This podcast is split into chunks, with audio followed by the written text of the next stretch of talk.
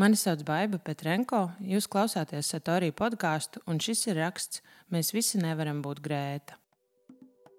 Baiva Petrenko ir absolvējusi kultūras akadēmiju un interesējas par vidas aizsardzību. Šajā rakstā viņa stāsta par individuālā aktīvisma iespējām. Dabas audzēšanas principus, ko apguva skolā, var reducēt uz nemetu konfekšu papīrus mežā. Vides tēma man vienmēr šķitusi svarīga, lai arī abstrakta. Jau bērnībā bija skaidrs, ka visās turpmākajās dzīves vēlēšanās jābalso par zaļajiem. Vēlāk gan izrādījās, ka dažiem zaļajiem ar zaļumu ir maz sakara. Taču padziļinātas izpratnes par to, kā būt dabai draudzīgai, man nebija. Attiecīgi nebija arī zināšana par to, kā esmu kaitīga dabai, kādas izvēles veido cilvēku darbības postošo ietekmi. Par vidas aktīvismu šajā laikā runāja kā par radikālu parādību, Mēdīju uzmanību tas ieguva ekstremālos gadījumos, kādam pieķēdējoties pie kokiem vai naftas platformām. Par spīti radikālismam, vai tieši tādēļ, man šādi centieni bija simpātiski, taču neredzēju sevi kā vienu no viņiem. Kopš tā laika ir pagājis 20 gadu, un šodien tēmas aktualitāte pieauga geometriskā progresijā. Patēriņš palielinās, vidas stāvoklis pasliktinās, mēs par to runājam vairāk, mediji par to ziņo biežāk, sociālajie mediji pātrina ziņu apriti un tā tālāk. Lai arī informācijas ieguve sociālajos medijos var nozīmēt nekvalitatīvus datus, populismu un vispār pieprasa mediju pratību neatkarīgi no tēmas. Šodien tas ir galvenais problēmas apzināšanās un risinājuma apguves virzītājs spēks. Starp manu abstrakto vēlmi dzīvot vidē draudzīgāk un reālu rīcību Bija dokumentāls filmas, YouTube kanāli, Facebook grupas, tad grāmatas un sarunas ar domu biedriem. Mācījos un joprojām mācos, kā ieviest uzskatus un pārliecības ikdienas patēriņa lēmumos, līdzās vajadzībai un finansiālajām iespējām. Uzzināju par neaugsmes, jeb degrowth ideju, kas aicina samazināt patēriņu un ekonomisko izaugsmi vienkāršākas, mierīgākas, uz saskarsmi balstītas dzīves vārdā. Kad izrādījās, ka mana pieredze atkritumu samazināšanā interesē apkārtējos, stāstīju par to medijos, skolās, uzņēmumos, līdz attapos pietuvināt aktīvisma lauciņam. Manā Facebook ziņu lentē aktīvisms ir norma. Tā ir klasiskā sociālo tīklu informatīvā cilpa, kur es pat izvēlos kādu informāciju lasīt, un tā attīsta man priekšstatu par notiekošo pasaulē. Tādējādi man pasauli veido cilvēki, kur pat kaut ko aktīvi iestājas par demokrātiju, LGBT līdztiesību, imigrantiem, bēgļiem, sievietēm, bērniem, vidas aizsardzību, dzīvniekiem, uz cilvēku vērstu pilsētu plānošanu un tā tālāk. Šie aktīvismu izpausmes ir dažādas.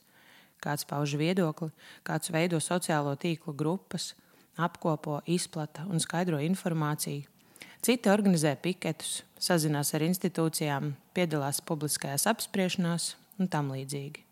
Līdzās cieņai un apbrīnai pret īstiem aktīvistiem izjūt arī interesi novērot, kā cilvēku raksturu un personības iezīmes veicina viņu iesaisti sabiedriskajos procesos, rada ticību individuālas rīcības jēgai un nepieciešamībai. Izteiksmīgs piemērs ir Grēta Thunberga, kur vienpersoniski ir spējusi mudināt miljoniem jauniešu visā pasaulē protestēt, pieprasot varas iestāžu izlēmību klimata politikā. Viņa atklāti runā par to, kā mērķtiecība, fokus un vajadzība rīkoties saistīta ar Aspergera sindromu. Man ļoti patīk Grēta, viņas konkrētība retorikā, kurā nav skaistas liekvārtības, kurā viņa atmasko tukšas uzslavas, sauc skaitļus un apelē pie veselā saprāta. Man patīk viņas inteliģentā klātbūtne informācijas telpā, kurā apzīmējums maza meitene joprojām ir sinonīms vājumam, gļēvulībai un muļķībai.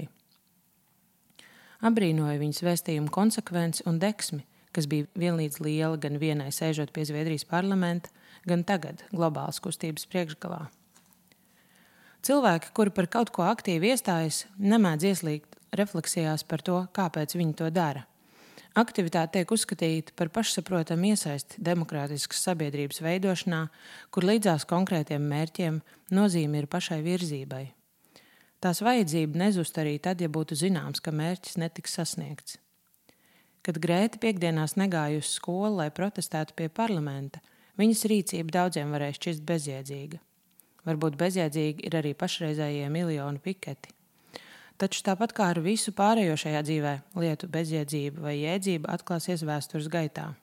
Mēs visi nevaram būt grēta, un visiem nav par viņu jājūsmo. Taču ikvienam ir rīcības potenciāls, un šodienas realitātei no individu rīcības līdz globālai kustībai ir viens solis.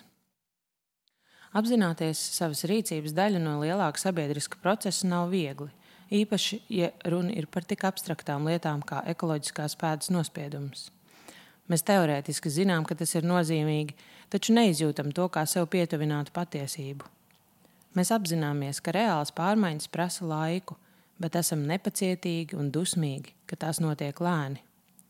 Pirms diviem gadiem es arī publicēju rakstu Maisiņš nevajag, šodien es to tā nesauktu, bet ko nu vairs, kurā dalījos pieredzē, ieviešot sadzīvē patēriņa samazināšanas un atkritumu neradīšanas principus.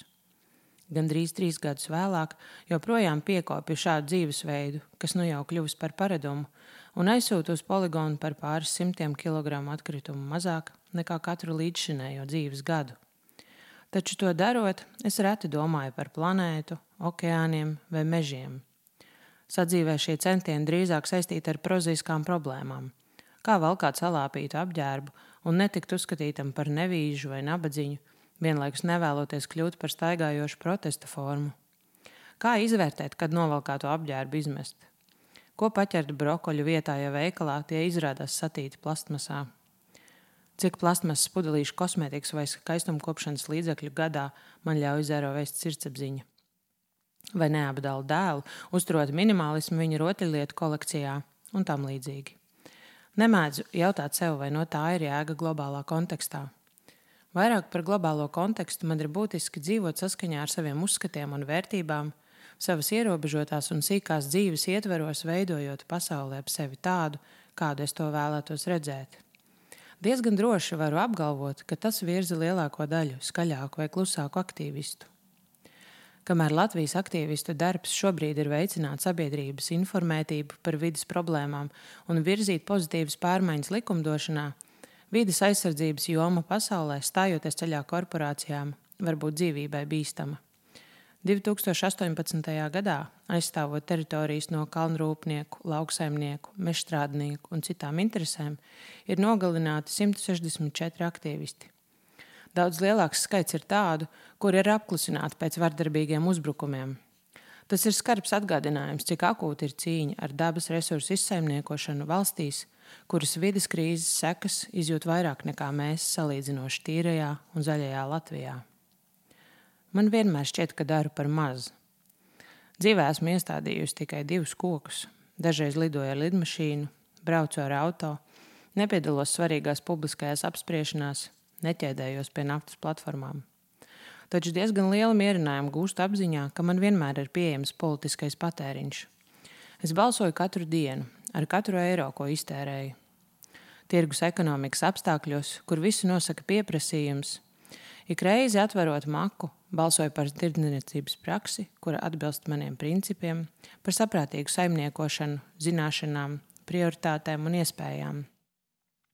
To veicot, nav jūtama piesaista globālai kustībai, bet tā tāda ir. No politiskā patēriņa ir jēga tikai apvienojot daudzu centienus.